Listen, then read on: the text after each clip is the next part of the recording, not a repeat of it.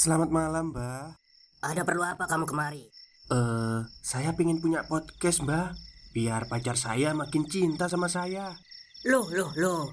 Mau bikin podcast kok tanya dukun? Sekarang kamu download aplikasi Anchor.fm. Di situ kamu bisa buat podcast gratis dan podcast kamu bisa didistribusikan ke platform mana pun. Dan di aplikasi atau website Anchor.fm juga terdapat fitur-fitur yang memudahkan kamu untuk membuat podcast. Oh, gitu ya, Mbak.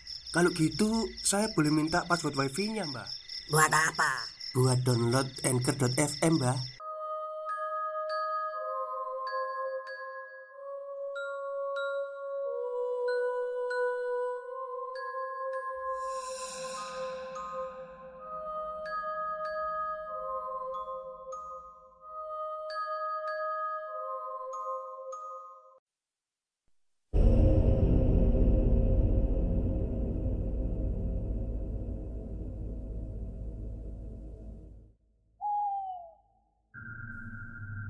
Assalamualaikum warahmatullahi wabarakatuh. Halo semuanya. Jumpa lagi dengan saya Chow Sing Sing Kurator dari podcast Horror Night Story. Halo apa kabar semuanya? Semoga kalian semua sehat-sehat ya. Dan seperti biasanya pada siang hari ini saya kembali dan akan menghadirkan sebuah kisah mistis untuk kalian semua. Kisah mistis kali ini adalah lanjutan ya Lanjutan dari yang kemarin Kisah kelam tanah santet yang ditulis oleh Mas Restuwira Semakin ke sini ternyata semakin Apa ya Terkuaklah rahasia tanah itu. Oke, daripada kita berlama-lama Mari kita simak ceritanya Deso Segoro Kidul. Semua benar-benar di luar dugaan Kismoyo Yang nantinya akan menjadi penerus dari lahan lambaian gunung Harus kehilangan kedua bola matanya. Padahal Kedua mata Kismoyo itu benar-benar berguna Untuk menangkal semua serangan santet Yang akan menyerang di sekitaran rumah Berbeda dengan Simbah Kakung. Wajahnya sudah benar-benar tidak terbentuk lagi. Serangan sewu lemut atau seribu semut Benar-benar telah menghabiskan tiap kulit di wajahnya.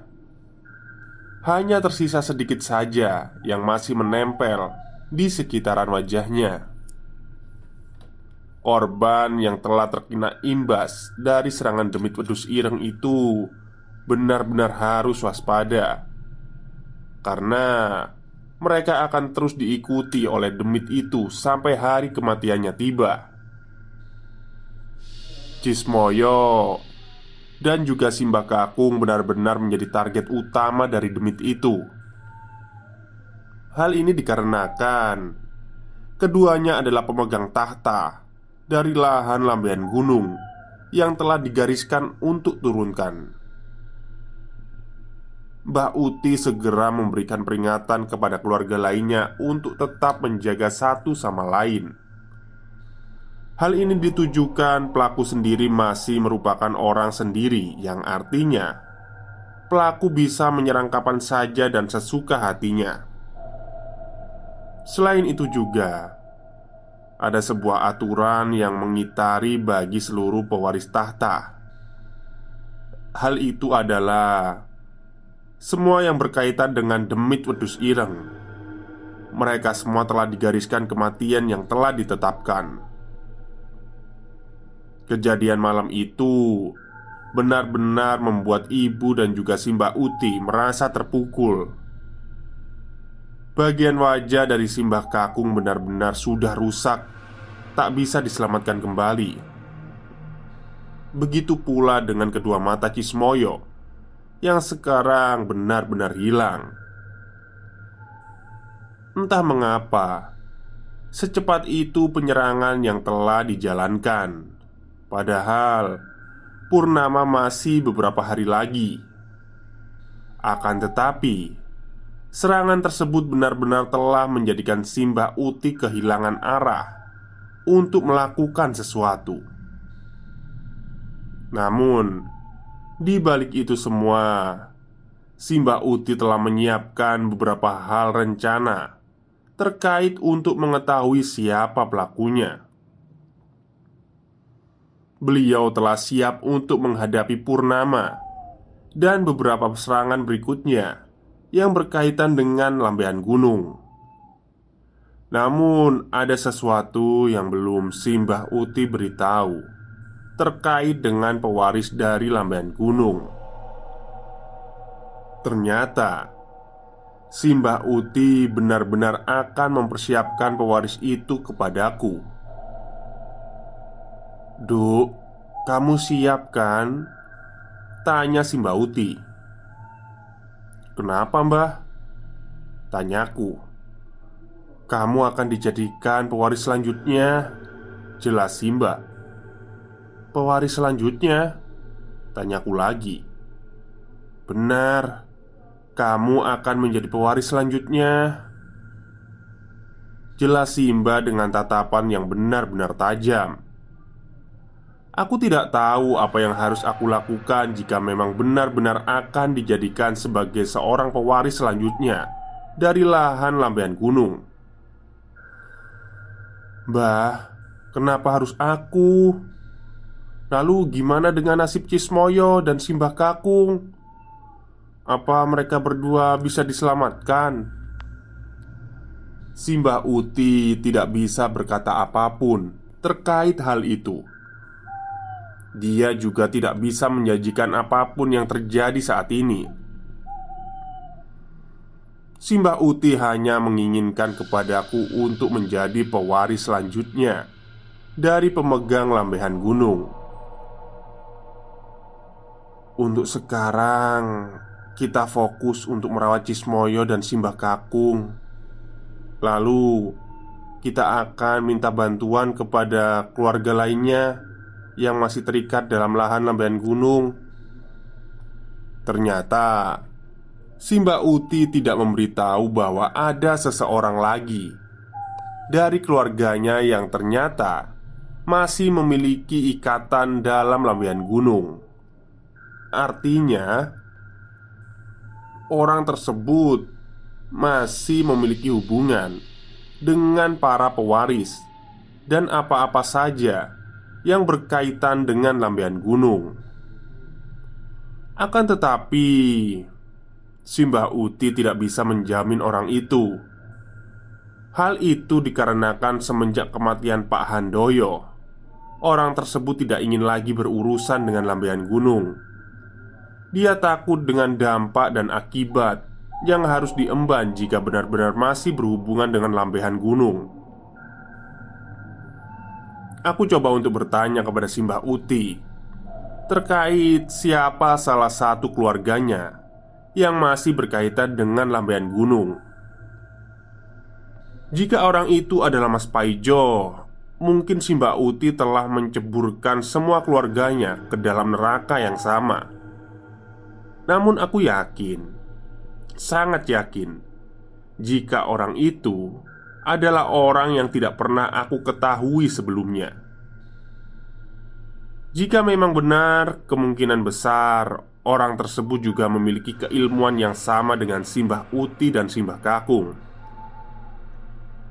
Pasalnya, orang yang menjaga lahan lambean gunung, mereka semua tergolong dalam orang-orang yang memiliki keilmuan yang sangat besar dan juga sakti mandraguna. Bah, Orangnya siapa? Dia berasal dari desa Segoro Kidul Desa yang penuh dengan orang-orang yang sakti Kampung itu adalah kampungnya Simbah Kakung Bisa dibilang Orang ini masih saudaraan sama Simbah Kakung. Ternyata benar Orang itu bukanlah orang biasa. Orang-orang yang berasal dari Segoro Kidul memang dikenal sebagai orang yang memiliki ilmu yang tinggi. Hal ini dikarenakan desa Segoro Kidul dikenal dengan desa yang sangat tertutup terhadap warga asing, sehingga Apa pun yang terdapat di kampung itu, orang luaran tidak mengetahuinya. Desa itu dikenal dengan desa di balik kabut. Ciri-ciri dari orang yang tinggal di kampung itu adalah bagian daun telinganya sangat pipih. Lalu mereka berjalan dengan kedua tangan yang diarahkan di bagian belakang. Pandangannya tajam ke depan. Kedua bola matanya mampu melihat orang yang ada di hadapannya sampai 4000 hasta. Aku mengira apa yang dikatakan oleh Simba hanyalah dongeng semata. Karena Tidak mungkin ada orang biasa Yang mampu melihat dengan jarak yang sangat jauh. Terlebih lagi Orang ini adalah orang yang sudah tua Dengan kedua tangannya yang selalu diletakkan di atas punggung Atau di belakang punggung. Namun Bagaimanapun juga Aku tetap penasaran dengan orang yang dimaksud. Bisa saja Orang itu adalah orang yang akan menolong bagi Cismoyo Dan juga Simbah Kakung sebelum purnama tiba. Purnama tinggal beberapa hari lagi. Itu artinya serangan selanjutnya akan lebih menyeramkan. Jika nanti serangan itu kembali lagi, aku harap semuanya selamat tanpa ada yang menjadi korban. Aku dan ibu hanya bisa mengangguk Sementara tersisa tiga orang dari kami yang masih selamat. Walau bagaimanapun juga, aku ataupun ibu dan juga si Mbak Uti, kami bertiga tidak ingin ada korban lagi. Yang kita harapkan semuanya benar-benar selamat sampai nantinya. Pewaris dari lambean gunung benar-benar kembali pulih dan menjaga lahan itu dari gencaran para dukun yang benar-benar akan menghabiskan semua para keluargaku. Akhirnya, kami pun akan berangkat menuju ke desa itu pada sore. Ibu sengaja ditinggalkan di rumah karena untuk menjaga Cismoyo dan juga Simbah Kakung. Sempat terbesit rasa khawatir karena ibu ditinggalkan sendiri di rumah. Namun, Simba Uti mengatakan jika di rumah sudah dipagari dengan empat lapisan pagar gaib. Jika satu lapis hancur, masih ada tiga lapis lagi dengan jangka waktu bisa mencapai tiga hari. Sedangkan untuk perjalanan menuju desa Segoro Kidul, aku dan Simba Uti memerlukan setengah hari perjalanan. Alasan Simba Uti sendiri menginginkan pemberangkatan di sore hari adalah untuk menghindari para dukun yang berada di sekitaran yang mencium aura mereka. Aura yang dapat dirasakan akan menjadi kunci utama para dukun untuk mengenali orang itu. Teruntuk kali ini, Simbah menggunakan sebuah jubah berwarna hitam lengkap dengan penutup kepalanya. Jubah itu sendiri adalah jubah yang digunakan oleh Simbah Kakung sewaktu memasuki kampungnya bersama Simbah Uti. Jubah itu juga berfungsi untuk menutupi aura mereka dari gencaran para dukun yang menjadikannya terhindar dari serangan yang dilakukan oleh para dukun itu. Perjalanan demi perjalanan kami lakukan Hingga akhirnya kami menemukan sebuah bangunan Yang dipercaya sebagai pembatas antar desa. Desa Segoro Kidul dengan desa kami. Mbah Habis ini kita akan masuk ke desa Segoro Kidul. Belum. Habis ini kita akan masuk ke dalam sebuah desa Dengan penduduk yang tidak bisa terlihat. Jika kamu melihat seseorang di desa ini dia bukanlah manusia Melainkan demit Jelas si Mbak Uti Nama desanya apa mbah? Kampung Bolodemit Kampung ini adalah kampung yang menjual transaksi jasa kerjasama antara manusia dan para demit. Para demit yang berada di sini, mereka akan dipekerjakan dengan para manusia. Namun, untuk pembayarannya sendiri, manusia harus menyiapkan dua kepala manusia dengan weton yang sangat berbeda. Memang benar, Aku sendiri baru paham jika Simba Uti dan Simba Kakung termasuk dalam orang-orang sakti yang tertutup.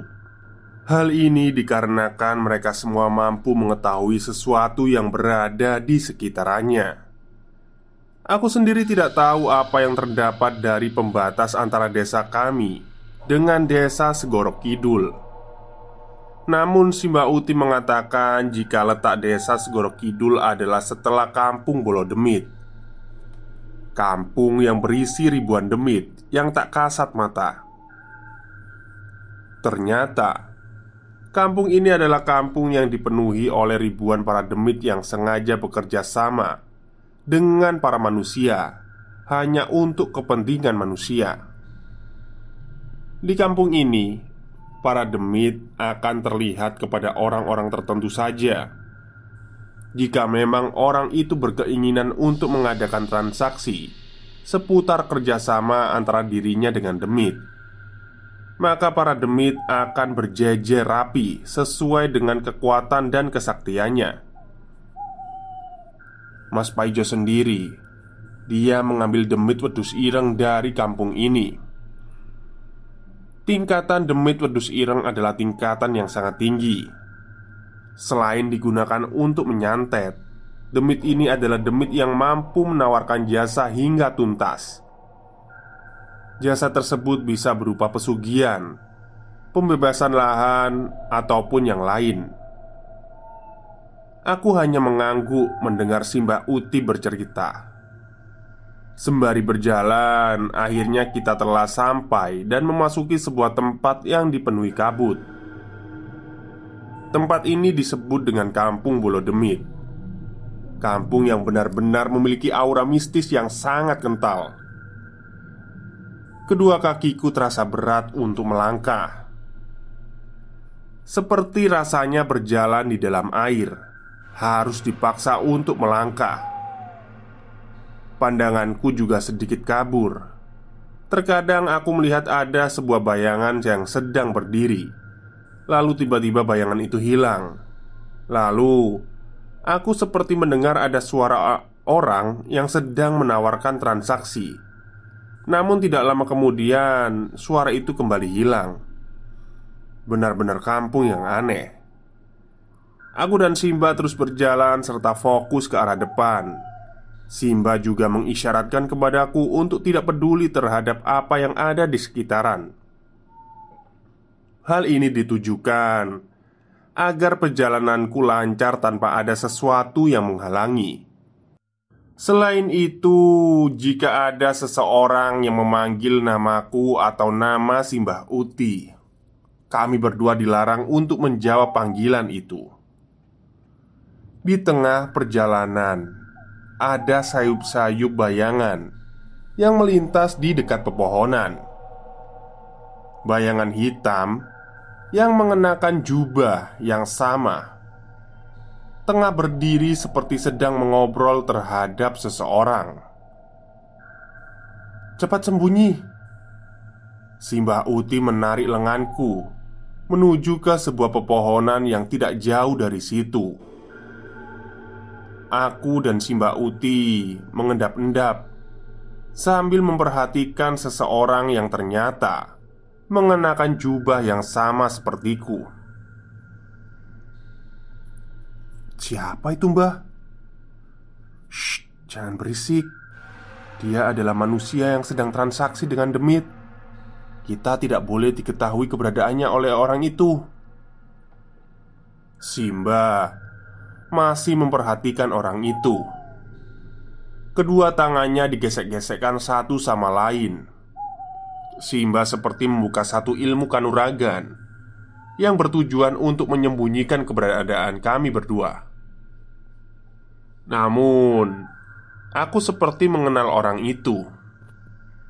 Orang itu terlihat sangat familiar dan seperti sudah pernah mengunjungi rumahku. Mbah, itu kan Mas Paijo. Simba langsung menyumpal mulutku dengan tangan kirinya. Sebelum aku tahu, ternyata Simba sudah menyadari akan hal itu. Sudah kuduga, Paijo adalah pelaku dari penyerangan ini. Firasatku tidak pernah salah. Simba Uti akhirnya meminta kepadaku untuk menundukkan kepala, sembari memperhatikan sekitaran. Simba Uti melihat-lihat juga sekelilingnya yang sudah dipenuhi dengan kabut. Ternyata Mas Paijo sendiri sedang melakukan transaksi terhadap demit yang ada di kampung Bolo Demit. Transaksi itu ternyata dilakukan di hari yang sama Di saat Simba dan aku ingin menuju di desa Segorok Kidul namun ada sesuatu yang membuatku sempat berpikir aneh terhadap Mas Paijo. Bagaimana ia bisa mendapatkan jubah hitam itu? Setelah beberapa saat kemudian Mas Paijo pun pergi meninggalkan tempat itu. Akan tetapi Saat Mas Paijo melewati tempat kami Tercium dengan jelas bebauan kambing yang sangat pekat Perutku sampai mual Mencium bau kambing itu. Bukan hanya itu Simba juga sempat melihat ada banyak sosok demit di belakang Mas Paijo. Sosok tersebut ternyata yang akan membantunya untuk menggulingkan lambean gunung. Hingga istilah yang diletakkan untuk kampung ini benar adanya. Siapa yang melakukan transaksi itu maka dirinya akan mendapatkan bolo demit atau teman demit. Orang yang melakukan transaksi, mereka akan mendapatkan banyak pengikut. Hal ini benar adanya saat penyerangan pertama berlangsung. Saat di mana Cismoyo dibawa oleh Demit Wedus, terlihat dengan jelas puluhan sosok Demit sudah berada di belakangnya.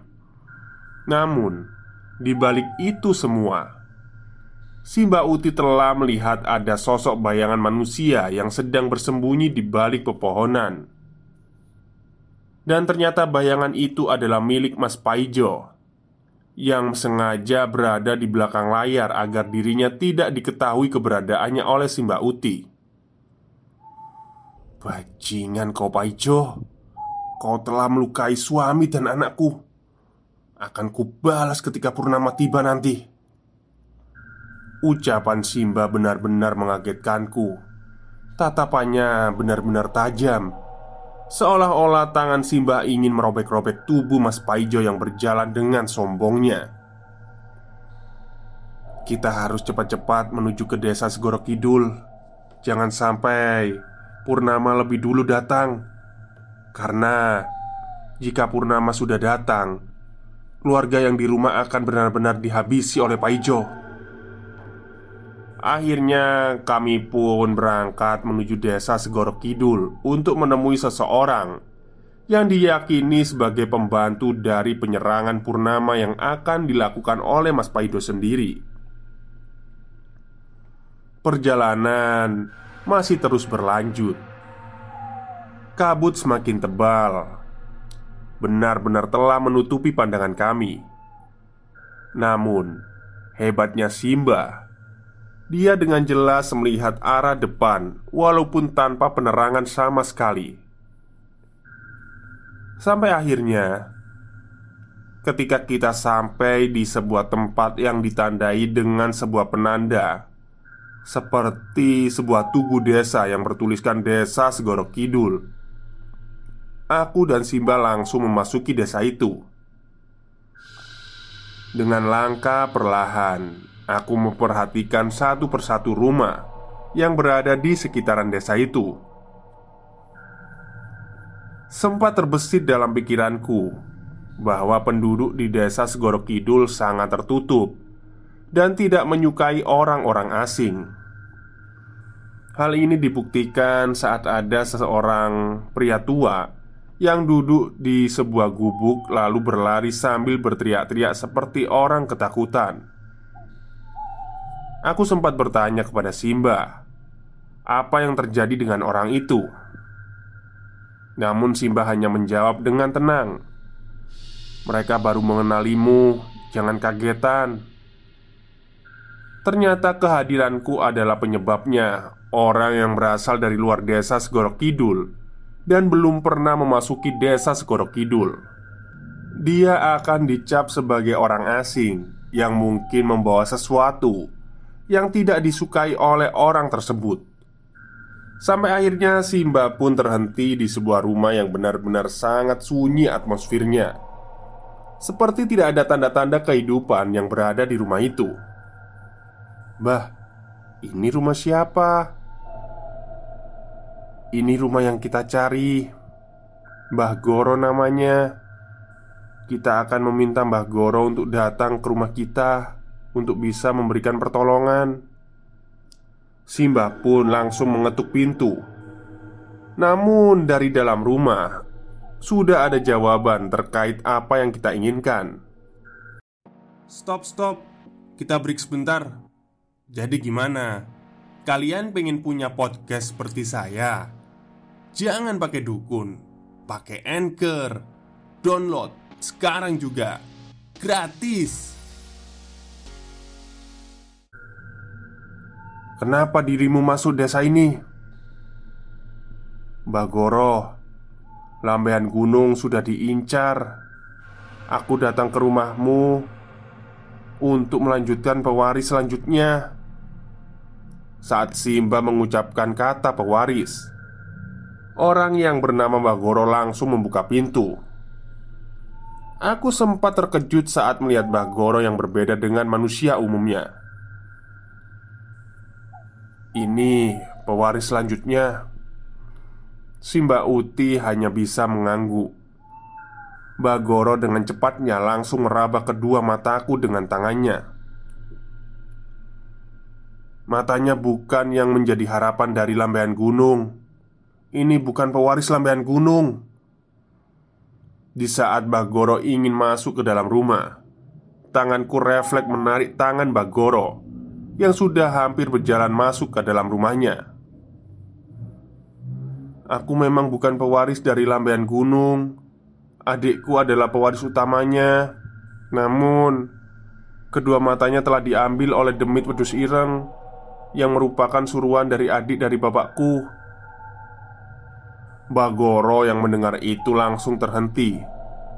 Kepalanya perlahan menengok ke arahku yang benar-benar seperti orang yang sedang mengharapkan pertolongan darinya. "Masuk, jangan dibahas di sini." Aku dan Simbah pun langsung masuk ke dalam rumah Mbak Goro. Perlahan aku menatap ke dalam rumah Mbak Goro yang masih sangat sederhana ini. Dan sama seperti rumah pada umumnya, Mbah Goro pun mempersilahkan kami masuk untuk duduk. Selain itu, dia juga membawakan tiga gelas teh hangat yang memang kebetulan sudah dipersiapkan terlebih dahulu. Ayo diminum dulu. Aku dan Simba langsung meminum teh itu. Saat aku meminum teh itu samar-samar rasanya sangat berbeda dengan teh-teh pada umumnya Ini teh apa mbah? Itu teh yang sudah diracik untuk menghilangkan bebauan yang ada di belakang kamu Jelas mbah Goro Bebauan apa mbah? Kamu sebelumnya sudah mencium bau kambing di desa Bolodemit kan? Bau itu yang membuatmu Orang-orang di desa ini tidak menyukai Bau itu sangat tajam hingga membuat mereka yang ada di sini berteriak ketakutan. Aku baru menyadari. Ternyata alasan utama warga yang aku temui itu berlari sambil berteriak adalah karena bau itu. Bebauan itu berasal dari demit wedus ireng Bebauan yang sangat dibenci oleh seluruh penduduk desa Segoro Kidul. Bahkan kakekmu juga adalah orang yang pernah dulu melawan demit itu Aku dan Simba masih menyimak dengan yang diperjelaskan oleh Mbak Goro kepada kami. "Bagaimana kabar suamimu?" tanya Mbak Goro kepada Simba Uti. Dia terkena serangan sewu lemut, wajahnya sudah hancur tak tersisa. Jawab Simbah Uti. Ah, ini pasti ulah dari orang yang bertransaksi dengan demit wedus ireng. Jelas Bagoro Simba membenarkan perkataan Bagoro terkait serangan itu Namun Yang masih dalam pikiranku sekarang adalah Apakah serangan Sewu Lemut itu juga merupakan serangan yang berasal dari demit wedus ireng itu? Bah, apakah serangan itu berasal dari demit wedus ireng? Tanyaku kepada Mbak Goro Bukan. Serangan itu berbeda dari serangan dari wedus ireng. Tiba-tiba tanganku langsung digigit oleh semut hitam Yang tidak tahu dari mana asalnya. Aduh, bah Kok di rumah ini tiba-tiba ada semut? Simbauti langsung menatap ke arah Mbak Goro. Seperti ada sesuatu yang memang sudah disadari oleh Simbauti Terkait semut hitam yang baru saja menggigit tanganku Purnama sebentar lagi akan datang. Aku sebenarnya tidak ada maksud untuk membantu atau kembali lagi menuju lambaian gunung. Namun, pertanda semut hitam yang sudah menggigit pewaris selanjutnya itu berarti mereka yang akan merebut lahan lambaian gunung sudah berada dekat. Kita harus segera pergi ke sana untuk menyelamatkannya. Jelas Bagoro. Aku dan Simba mengiyakan perkataan dari Mbak Goro Penjelasan tersebut seperti memberikan sinyal kepada kami bahwa Mbak Goro akan menolong keluargaku yang sudah berada di ambang kehancuran. Ingat Untuk melawan demit wedus ireng dibutuhkan tujuh kepala kambing hitam Tujuh pasak bambu kuning yang diisikan serpihan kaca, paku, dan silet itu harus dipersiapkan sebelum purnama datang. Malam ini, kalian berdua menginap saja di rumahku karena tidak baik untuk melewati kampung Pulau Demit di malam hari. Tapi, apa ibu di rumah akan baik-baik saja? Tanyaku. Ah, Simba Utimu telah meletakkan pagar gaib yang mampu menahan mereka. Jadi tidak usah khawatir Aku dan Simba hanya bisa saling menatap satu sama lain. Aku tidak ingin menyimpulkan apa yang memang tidak sesuai dengan isi pikiran dan hatiku. Namun, apa yang memang telah diperintahkan oleh Mbak Goro memang semuanya menuju pada keselamatanku dan juga keluarga. Akhirnya, aku dan Simba pun diberikan sebuah tempat untuk beristirahat. Kami berdua harus tidur lebih cepat agar nanti pagi bisa pulang lebih cepat juga. Aku mencoba menutup kedua mataku. Pikiranku masih terhubung pada apa yang baru saja Mbah Goro katakan. Di saat di mana aku sudah terlelap dalam tidur, aku merasakan pintu kamarku dibuka oleh seseorang. Lalu orang itu mengatakan sesuatu. Uh, ini pewaris selanjutnya. Namun aku tahu suara itu terdengar jelas dan familiar. Aku yakin jika di dalam rumah Mbak Goro bukan hanya ada aku, Simba dan Mbak Goro, melainkan ada orang lain yang memang sudah menunggu kedatangan kami. Siapa orang itu? Oke, itulah bagian ketiga dari kisah kelam Tanah Santet yang ditulis oleh Mas Restuwira. Jadi, memang panjang ya, sabar aja. Kemungkinan di bagian kelima akan segera saya selesaikan. Oke, mungkin mungkin itu saja untuk siang hari ini. Semoga kalian suka. Selamat siang dan selamat beristirahat.